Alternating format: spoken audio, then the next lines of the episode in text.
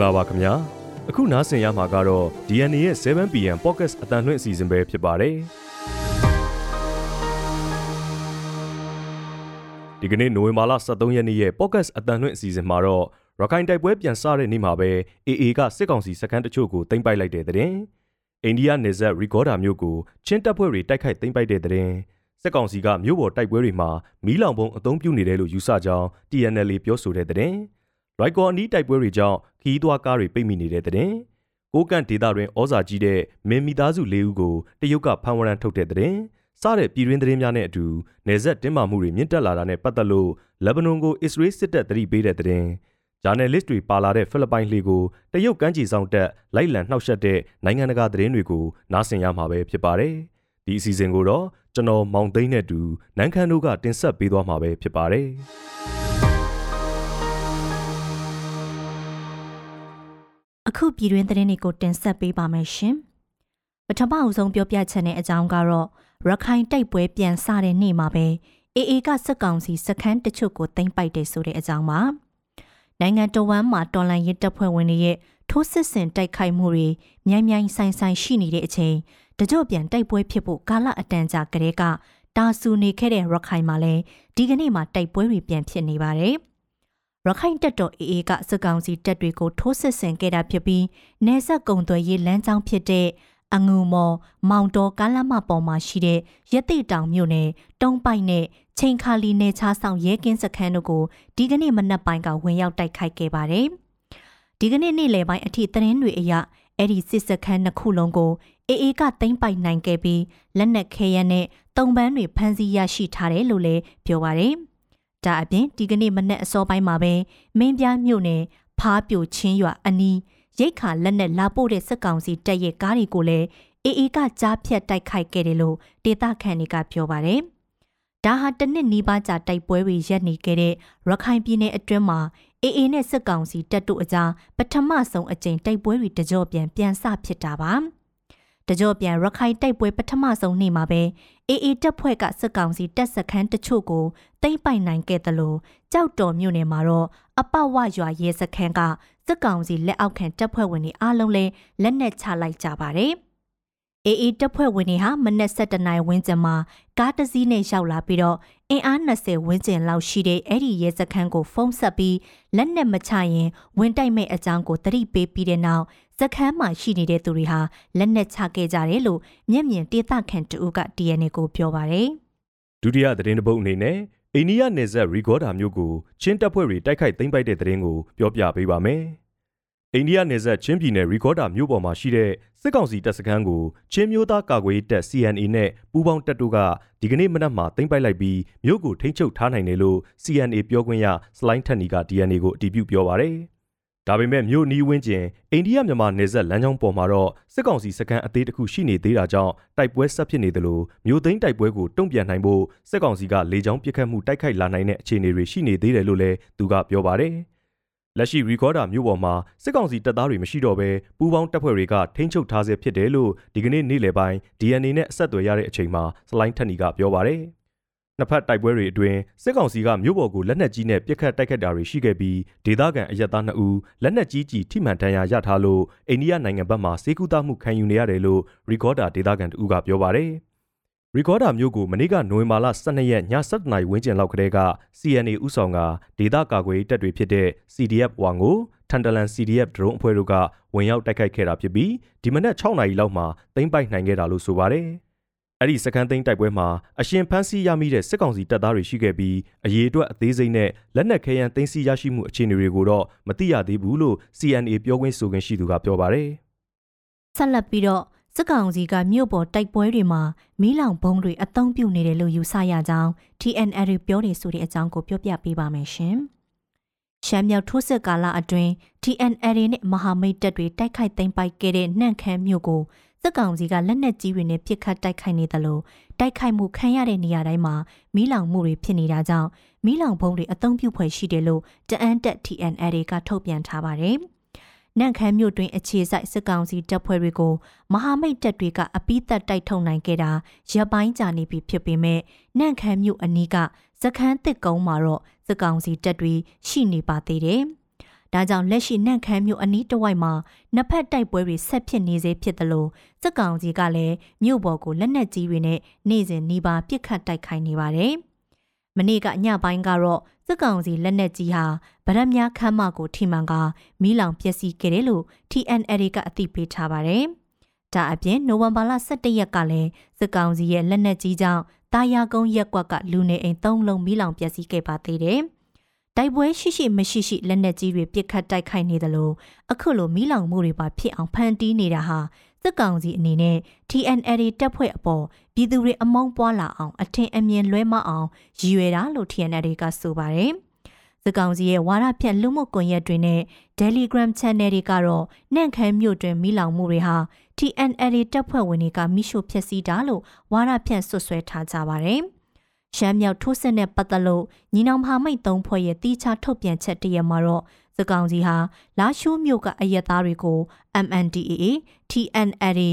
SSPP တပ်ဖွဲ့ရဲ့ဝတ်စုံတွေကိုချုပ်လုခိုင်းနေကြောင်းသတင်းပေးပို့ချက်ရရှိထားတယ်လို့ဖော်ပြထားပါတယ်။ဒါဟာစက်ကောင်စီကပြည်သူတွေအပေါ်စစ်ရာဇဝတ်မှုတွေကျူးလွန်ပြီးညီနောင်မဟာမိတ်တပ်ဖွဲ့ဝင်တွေကိုဆွတ်ဆွဲဖို့ကြံစီနေကြောင်းခံမှန်းသုံးသပ်နိုင်ပြီးပြည်သူတွေအနေနဲ့သတိပြုနေထိုင်ကြဖို့အဲ့ဒီထုတ်ပြန်ချက်ကဖော်ပြထားပါတယ်။နောက်ထပ်သတင်းတစ်ပုဒ်အနေနဲ့ လွိုက်ကော်မြို့အနီးတိုက်ပွဲတွေကြောင့်ခီးသွွားကားတွေပိတ်မိနေတဲ့သတင်းကိုပြောပြပေးပါမယ်။ကရင်နီကရားပြည်နယ်ရဲ့မြို့တော်လွိုက်ကော်မြို့အနီးတိုက်ပွဲတွေဖြစ်နေတာကြောင့်လွိုက်ကော်ကိုသွားမဲ့ခီးတဲ့တင်ကားတချို့ရှမ်းပြည်နယ်ဖဲခုံဘက်မှာပိတ်မိနေတာ၃ရက်ရှိပြီလို့ရင်လိုင်းတာဝန်ရှိသူတွေဒေသခံတွေနဲ့ကာကွယ်ရေးတပ်တွေကပြောပါတယ်။ခီးတဲ့တင်ရင်တွေကုန်တင်ရင်တွေနဲ့အိမ်စီးကားတွေလည်းအပါအဝင်ပိတ်မိနေတဲ့ကားတွေဟာလက်ရှိမှာတော့လွိုက်ကော်မြို့ထဲဝင်မရဘဲနိုဝင်ဘာလ17ရက်နေ့ကတည်းကဖဲခုံမြို့မှာတောင်တင်နေတာလို့ဆိုပါတယ်။ ပိတ်မိနေတဲ့ရင်တန်းအတွင်းစုစုပေါင်းခီးတဲ့လူဦးရေ200ထက်မနည်းရှိနိုင်တယ်လို့ဆိုပါတယ်။လွိုက်ကော်မြို့ပတ်လည်တဝိုက်ကစစ်ကောင်စီစစ်ဆေးဂိမ်းနဲ့တပ်စခန်းတချို့ကိုတော့နိုဝင်ဘာလ17ရက်နေ့ကတလေးလုံးစစ်စင်ရေးအနေနဲ့ဂရီနီပူပေါင်းတပ်တွေဝင်ရောက်တိုက်ခိုက်ခဲ့ပြီးဒီကနေ့အထိလည်းနှစ်ဖက်ပစ်ခတ်မှုတွေရှိနေတယ်လို့သိရပါတယ်။နှစ်ဖက်တိုက်ပွဲတွေကြောင့်လွိုက်ကော်မြို့တွင်းမှာပိတ်မိနေတဲ့အရက်သားတွေအများပြားရှိနေပြီးစစ်ကောင်စီဟာအရက်သားတွေကိုထွက်ခွင့်မပေးဘဲဒိုင်းကာအနေနဲ့အသုံးချဖို့ကြိုးပမ်းနေတဲ့အခြေအနေတွေတွေ့ရတယ်လို့ KNDF ပြန်ကြားရေးဌာနတာဝန်ရှိသူတို့ကပြောပါတယ်။လက်ရှိမှာတော့လိုက်ကော်မြို့နဲ့အနီးတစ်ဝိုက်ပြစ်ခတ်မှုတွေကြောင့်မြို့ကန်တချို့နေအိမ်အပြည့်မထွက်ရဲကြသလိုမြို့ပြင်ထွက်ပြီးတင်းရှောင်မှုကလည်းစစ်ကောင်စီတပ်ကထွက်ခွင့်မပေးဘူးလို့ဒေသခံတချို့ကလည်းပြောပါတယ်။ဆက်လက်ပြီးပြောပြချင်တဲ့အကြောင်းကတော့ကိုကန့်ဒေတာတွင်ဩစာကြီးမားတဲ့မေမိသားစုဝင်လေးဦးကိုတရုတ်ကဖမ်းဝရမ်းထုတ်လိုက်တယ်ဆိုတဲ့အကြောင်းပါ။အွန်လိုင်းငွေလိမ်လည်တဲ့လုပ်ငန်းတွေကိုဦးဆောင်နေတဲ့ဆိုတဲ့ဆွဆွဲချက်နဲ့ ကိုကန့်ဒေတာကအထင်ကရစီးပွားရေးလုပ်ငန်းရှင်မင်မိသားစုဝင်လေးဦးကိုတရုတ်အစိုးရကဖမ်းဝရမ်းထုတ်လိုက်ပါတယ်။တရုတ်နိုင်ငံအရှေ့ပိုင်းရှီကျန်းပြည်နယ်ရဲ့ပြည်သူ့လုံခြုံရေးဗျူရိုရဲတပ်ဖွဲ့ကကိုကန့်စီးပွားရေးလုပ်ငန်းရှင်မင်ရှုကျန်းနဲ့သားသမီး၃ယောက်တို့ကိုနိုဝင်ဘာလ12ရက်မှာဖမ်းဝရမ်းထုတ်ကြောင်းကြေညာခဲ့တာပါ။အသက်69နှစ်အရွယ်မင်းနဲ့သူ့ရဲ့သားတဦးသမီးနှစ်ဦးတို့ဟာတရုတ်နိုင်ငံသားတွေကိုပြစ်မှတ်ထားပြီး အွန်လိုင်းကနေငွေကြေးလိမ်လည်တဲ့လုပ်ငန်းတွေကိုကျူးလွန်နေတယ်လို့တရုတ်အာဏာပိုင်တွေကဆွတ်ဆွဲထားပါတယ်။မဲဟာပြည်ခိုင်ဖြိုးပါတီဝင်ရှမ်းပြည်နယ်ဥပဒေပြုလွတ်တော်အမတ်ဖြစ်ခဲ့ဘူးသလိုကိုးကန့်ကောင်းဆောင်မှုကော်မတီဝင်တဦးအနေနဲ့လည်းတာဝန်ယူခဲ့ဖူးပါတယ်။သူနဲ့အတူဝရမ်းထုတ်ခံရတဲ့သူတွေကတော့ကိုးကန့်ပြည်သူစစ်အဖွဲ့တစ်ခုရဲ့ကောင်းဆောင်အနေနဲ့တာဝန်ယူထားတဲ့သားဖြစ်သူမင်ကောဖြင့် သမီးနှစ်ဦးဖြစ်တဲ့အသက်42နှစ်အရွယ်မင်ကျူလန်နဲ့အသက်28နှစ်အရွယ်မင်ကြံကျန်းတို့ဖြစ်ပါတယ်။တရုတ်အာဏာပိုင်တွေကအဲ့ဒီဝရမ်းထုတ်ခံရသူ၄ဦးကိုဖမ်းဆီးရမိဖို့တရင်ပေးနိုင်ရင်တဦးချင်းစီအတွက်စုငွေယွမ်9သိန်းအမေရိကန်ဒေါ်လာ68,400စီချီးမြှင့်မယ်လို့ကြေညာခဲ့ပါတယ်။ပြီးခဲ့တဲ့ရက်ပိုင်းတွေအတွင်းတရုတ်အစိုးရနဲ့ပြည်သူတွေကြားမှာ အွန်လိုင်းလိမ်လည်မှုတွေကျူးလွန်နေတဲ့ရာဇဝတ်ကိုင်းတွေနဲ့ပတ်သက်လို့စိုးရိမ်မှုတွေပုံမကြီးထွားလာခဲ့ပါတယ်။အဲ့ဒီရာဇဝတ်ကိုင်းတွေဟာတရားဥပဒေစိုးမိုးမှုလက်လန်းမမီတဲ့မြန်မာနိုင်ငံနယ်စွန်နယ်ဖျားဒေသတွေမှာအခြေစိုက်လှုပ်ရှားနေပြီးတိုင်းရင်းသားလက်နက်ကိုင်အဖွဲ့အစည်းတချို့ရဲ့အကအကွယ်ကိုရရှိထားကြောင်းစွပ်စွဲမှုတွေလည်းထွက်ပေါ်ခဲ့ပါတယ်။မင်းမိသားစုဟာကိုပိုင်အုပ်ချုပ်ခွင့်ရကိုကန့်ဒေတာမှာဩစာကြီးမားသူတွေအဖြစ်သတ်မှတ်ခံရပြီး အောက်တိုဘာလ20ရက်ကငွေကြေးလိမ်လည်မှုလုပ်ငန်းတွေအတွက်အာတမခိုင်းစီခံရသူတွေကိုအာတမရွှေ့ပြောင်းခိုင်းရာကနေသွေးထွက်တန်ရုံပြပခါတွေဖြစ်ပေါ်စေခဲ့တဲ့အတိကညွန်ကြားသူတွေအဖြစ်လဲဆွဆွဲခံထားရပါတယ်။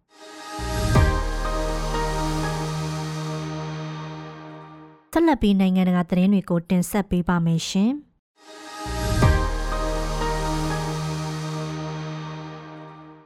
နနိုင်ငံနယ်စပ်မှာထိတ်တိုက်ထိတွေ့မှုတွေမြင့်တက်လာနေတာနဲ့ပတ်သက်လို့လက်ဘနွန်အစိုးရကိုအစ္စရေးဘက်ကတင်းတင်းမာမာတတိပေးလိုက်ပါတယ်။ဂါဇာကမ်းမြောင်ဒေသမှာအစ္စရေးနဲ့ဟာမတ်စ်တို့ကြားစစ်ပွဲစတင်လာချိန်ကတည်းကတောက်လျှောက်ဆိုသလိုလက်ဘနွန်အခြေစိုက်ဟစ်စပိုလာပျောက်ကြားတွေနဲ့အစ္စရေးစစ်တပ်ကြားမှာနေဆက်ဖြတ်ကျော်ပစ်ခတ်မှုတွေနေ့တိုင်းနှီးပါဖြစ်ပေါ်ခဲ့ပါတယ်။ပြီးခဲ့တဲ့သတင်းပတ်ကုံမှာတော့လက်နက်ကြီးတံကြောင့်လက်ဘနွန်ဖက်ချမ်းကနေဆက်ကြေးရွာနှစ်ခုမှာ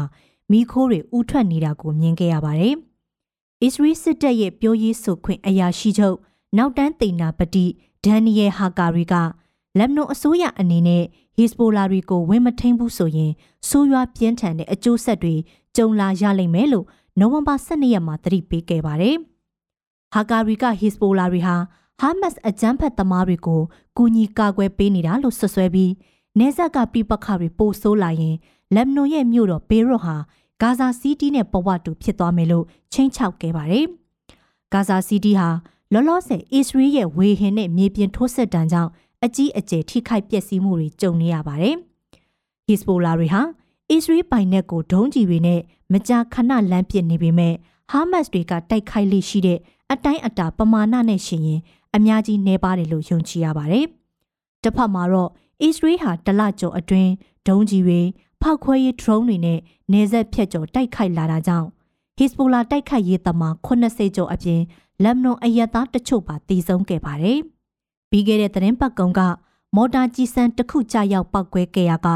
အစ္စရေးရဲ့ဟိုင်ဖာစိတ်ကမ်းမြို့နာမှာအစ္စရေးစစ်သည်9ယောက်ဒဏ်ရာရခဲ့တဲ့နောက်နှစ်ဖက်တင်းမာမှုတွေကပုံမမြင့်တက်လာခဲ့ပါတယ်။ဟာဂါရီကအစ္စရေးဟာလောလောဆယ်မှာဂါဇာကိုအပြစ်အဝအာယုံစိုက်ထားပြီးမဲ့ လိုအပ်လာရင်မြောက်ပိုင်းဒေသလုံခြုံရေးအတွက်စစ်စင်ရေးတွေဆောင်ရွက်ဖို့အသင့်အနေအထားရှိနေတယ်လို့လည်းပြောပါတယ်။လက်ရှိအခြေအနေအရအစ္စရေးစစ်တပ်ဟာနိုင်ငံတောင်ပိုင်းနဲ့ထိစပ်နေတဲ့ဂါဇာမှာအင်အားအလုံးအရင်နဲ့ထိုးစစ်ဆင်နေသလိုမြောက်ပိုင်းကလက်ဘနွန်နဲ့နေဆက်မှာလည်းအင်အားအများအပြားဖြန့်ကျက်ထားပါတယ်။ပြီးတော့လက်ဘနွန်နဲ့နေဆက်နားမှာတည်ရှိနေတဲ့ကြေးရွာတချို့ကိုလည်းအစ္စရေးစစ်တပ်ကအရေးပေါ်ရွှေ့ပြောင်းထားစေပြီးဖြစ်ပါတယ်။ဟာမတ်စ်နဲ့ဟစ်စပိုလာတို့ဟာ အစ္စရေးနဲ့အနောက်နိုင်ငံတွေကိုစန့်ကျင်တိုက်ခိုက်ဖို့အီရန်အစိုးရကအတိကကြောရောက်နောက်ခံပေးထားတဲ့အင်အားကြီးလက်နက်ကင်တပ်ဖွဲ့တွေဖြစ်ကြပါတယ်။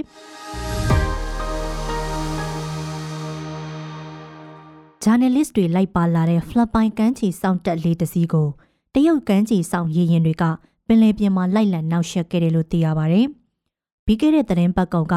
ဖလပိုင်ကမ်းခြေစောင့်တက်ဟာတောင်တရုတ်ပင်လယ်ထဲကကမ်းဝေးတောင်ခုံတစ်ခုပေါ်မှာတည်ရှိတဲ့ စစ်စခန်းကိုတွားရောက်တဲ့ခီးစဉ်အတွက်မီဒီယာသမားတွေကိုရာဘာလီတစည်းပေါ်ဖိတ်ခေါ်သွားခဲ့ပါတယ်။ဖလပိုင်ရေတပ်တမောဟောင်းကြီးတစည်းကိုရည်ရွယ်ချက်ရှိရှိတောင်းတင်စေပြီးစစ်စခန်းအဖြစ်အသုံးပြုထားတဲ့နေရာဟာတရုတ်နဲ့ဖိလစ်ပိုင်တို့ကြားရေပိုင်နဲ့အငင်းပွားမှုတွေဖြစ်ပေါ်နေရာဒုတိယသောမတ်တောင်ခွန်ကျွန်းမှာတည်ရှိနေပါတယ်။မကြသေးခင်ရက်ပိုင်းတွေအတွင်းအဲ့ဒီစခန်းစီလူသူအင်အားနဲ့ရိတ်ခါတွားရောက်ဖြစ်တဲ့နဲ့ဖိလစ်ပိုင်ကမ်းခြေဆောင်လေးတွေကို တရုတ်သမောတွေကမိသက်ပိုက်တွေနဲ့လမ်းပတ်တာအပြင်နီးမျိုးစုံနဲ့နောက်ရှက်မှုတွေရှိခဲ့ပါတယ်။တရုတ်ကမ်းခြေဆောင်တက်ကဖိလစ်ပိုင်ရေရွင်တွေဟာတရုတ်ရေပိုင်နက်ကိုကျူးကျော်တာကြောင့်လိုအပ်တယ်လို့တုံ့ပြန်ခဲ့တာလို့အကြောင်းပြပါတယ်။ပြီးခဲ့တဲ့သတင်းပတ်ကုံဖြစ်စဉ်မှာတော့ဖိလစ်ပိုင်ကမ်းခြေဆောင်တက်ကဂျာနယ်လစ်တွေကိုဖိတ်ခေါ်လာပြီးလိုက်လံရှင်းလင်းပြသတဲ့ခီးစဉ်မှာတရုတ်ရဲ့မြန်နှုံးမြင့်ရေရင်သုံးစီးကအသေးအတန်လိုက်ပါနောက်ရှက်ခဲ့တာဖြစ်ပါတယ်။ ဒါပေမဲ့ဖိလစ်ပိုင်ကမ်းခြေဆောင်တက်လေးတချို့ကဂျာနယ်လစ်တွေပါလာတဲ့ရေရင်နဲ့တန်ချီတက်နေတဲ့သင်္ဘောဟောင်းခံတက်ကြီးကြတဲ့တရုတ်ရေရင်တွေချင်းကပ်မလာနိုင်အောင်ကြားဖြတ်ဟန့်တာနိုင်ခဲ့ပြီးတရုတ်ကမ်းခြေစောင့်တက်လေတွေဟာပြန်လည်ထွက်ခွာသွားခဲ့ပါတယ်။တရုတ်အစိုးရကတောင်တရုတ်ပင်လယ်ရေပြင်ဧရိယာတစ်ခုလုံးနီးပါးကိုနိုင်ငံပိုင်နဲ့အဖြစ်သွတ်သွင်းသတ်မှတ်ထားလိုတာကြောင့်ဖိလစ်ပိုင်အပါအဝင်ဒေသတွင်းနိုင်ငံတချို့နဲ့အငင်းပွားမှုတွေဖြစ်ပေါ်နေတာပါ။ အခုပြဿနာတက်နေတဲ့ဒုတိယသောမတ်တောင်ခုံကျွန်းဟာဖိလစ်ပိုင်ကမ်းရိုးတန်းနဲ့ကီလိုမီတာ200လောက်ဝေးကွာပြီးတရုတ်ရဲ့အနီးဆုံးပိုင်နဲ့နေမြေကနေဆိုရင်ကီလိုမီတာ1000ကျော်ထိကွာဝေးကြောင်းသိရပါတယ်။